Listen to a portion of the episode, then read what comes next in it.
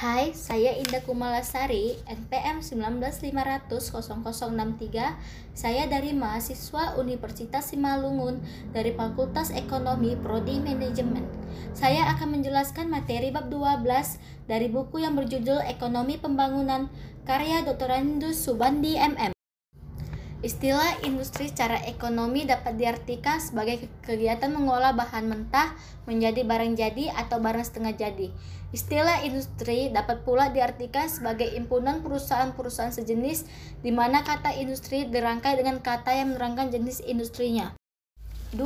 Sejarah sektor industri di Indonesia pada tahun 1920-an, industri-industri modern di Indonesia hampir semua dimiliki oleh orang asing, walaupun jumlahnya hanya sedikit.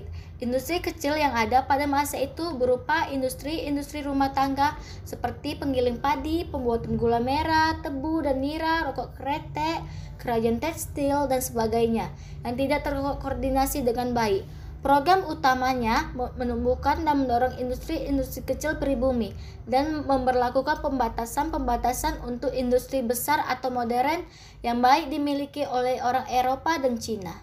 Kebijakan ini menyebabkan investasi asing berkurang, namun telah memacu tumbuh suburnya sektor bisnis kalangan pribumi. Kendari relatif kecil menyadari situasi demikian, Pemerintah membuat kebijakan yang menitik beratkan pengembangan industri-industri yang dijalankan dan dimiliki oleh pemerintah. Pada tahun 1999, hampir semua jenis industri di Indonesia mengalami kemunduran. Bahkan ada yang terpaksa harus ditutup karena palit. Luas tanaman dan produksi karet pada tahun 1999 menurun sebesar 1,13% dan 8,03%. 3. Permasalahan industrialisasi di Indonesia. Dari segi jumlah penduduk, Indonesia termasuk negara sedang berkembang, terbesar ketiga setelah India dan Cina. Dari segi ukuran mutlak, sektor industri di Indonesia masih sangat kecil, bahkan kalah dengan negara-negara kecil seperti Singapura, Hong Kong, dan Taiwan. Keadaan sektor industri selama tahun 1950-an dan 1960-an pada umumnya tidak mengembirakan karena iklim politik pada waktu itu yang tidak menentu. Kebijakan perindustrian selama awal tahun 1960-an mencerminkan filsafat proteksionisme dan estatisme yang ekstrim yang mengakibatkan kemacetan dalam berproduksi, sehingga sektor industri praktis tidak berkembang atau stagnasi. 4. Kebijakan industrialisasi Pemerintah Orde Baru melakukan perubahan-perubahan besar dalam kebijakan perindustrian. Aspek kebijakan ekonomi Orde Baru yang menumbuhkan iklim lebih baik bagi pertumbuhan sektor industri. Dirombaknya sistem devisa sehingga transaksi luar negeri menjadi lebih bebas dan lebih sederhana. Diberlakukannya Undang-Undang Penanaman Modal Asing BUMN dalam pelaksanaan yang melandasi suatu kebijakan industrialisasi menurut Dumairi 1900 1996 ada empat argumentasi basis teori, yaitu satu keunggulan komparatif, dua keterkaitan industrial, tiga penciptaan kesempatan kerja, empat loncatan teknologi.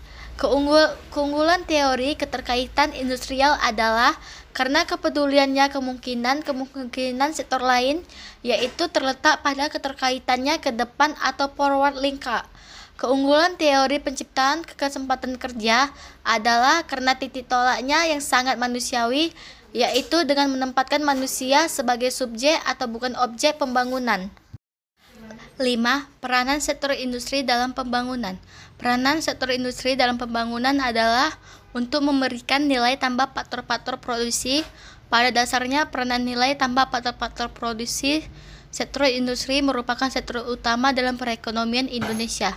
Setelah sektor pertanian, sektor ini sebagai penyumbang dan pembentukan PDB. Indonesia dari waktu ke waktu terus mengalami peningkatan sampai pada tahun 1999. Sebagai gambaran, pada tahun 1999, peran sektor industri pengolahan mencapai lebih dari seperempat atau 25,8 persen komponen dalam pembentukan PDB sementara sektor pertanian hanya mampu menyumbang sebesar 19,4 persen untuk sektor pertanian angka ini pun lebih rendah dibandingkan dengan sumbangan dari industri non migas atau 23 23,3 persen.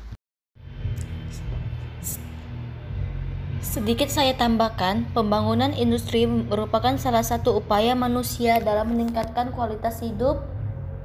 Salah satu tujuan dari pembangunan industri di antaranya adalah untuk memperluas lapangan kerja, menunjang pemerhatan pembangunan, meningkatkan pendapatan dan kesejahteraan masyarakat. Alpian 1996 memberikan uraian mengenai berbagai dampak industrialisasi yang terjadi dalam masyarakat di antaranya ditinjau dari sudut ekonomi, keberhasilan tentunya akan menyebabkan perubahan yang amat berarti dalam struktur perekonomian masyarakat. Dalam bidang sosial, diperkirakan industrialisasi akan menyebabkan terjadinya struktur sosial di mana sebagian besar dari anggota masyarakat akan menggantungkan mata pencariannya pada sektor industri. Sedangkan dari segi budaya, industrialisasi diperkirakan akan menimbulkan perubahan nilai-nilai dan pola gaya hidup atau lifestyle pattern masyarakat yang amat berarti pula. Selain dampak yang diuraikan di atas, salah satu dampak positif dari keberadaannya industri di antaranya penyerapan tenaga kerja dan peningkatan pendapatan masyarakat. Sedangkan dampak negatifnya seperti pencemaran lingkungan yang disebabkan oleh industri, sehingga dampak dari keberadaan industri tersebut dapat menimbulkan perubahan pada masyarakat, baik kondisi sosial ekonomi maupun kondisi budaya masyarakat sekitar kawasan industri tersebut. Keberadaan industri di suatu daerah baik dalam skala industri besar maupun skala industri kecil akan memberi pengaruh dan membawa perubahan terhadap kondisi sosial ekonomi masyarakat sekitarnya. Sebagaimana dikemukakan oleh Singgi 1991 bahwa dengan dibukanya lapangan pekerjaan pada suatu industri yang besar sifatnya akan mengakibatkan terbentuknya kesempatan baru, baik yang langsung diakibatkan oleh industri atau tidak.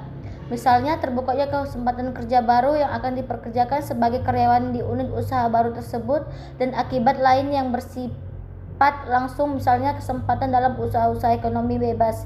Adapun yang dimaksud dengan usaha-usaha ekonomi bebas adalah usaha yang langsung memenuhi kebutuhan industri.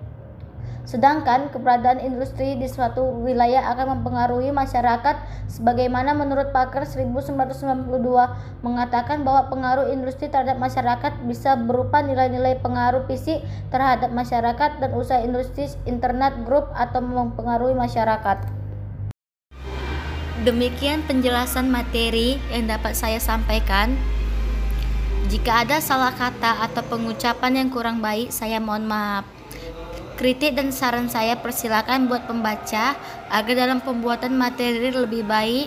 Atas perhatiannya, saya ucapkan terima kasih kepada para pendengar.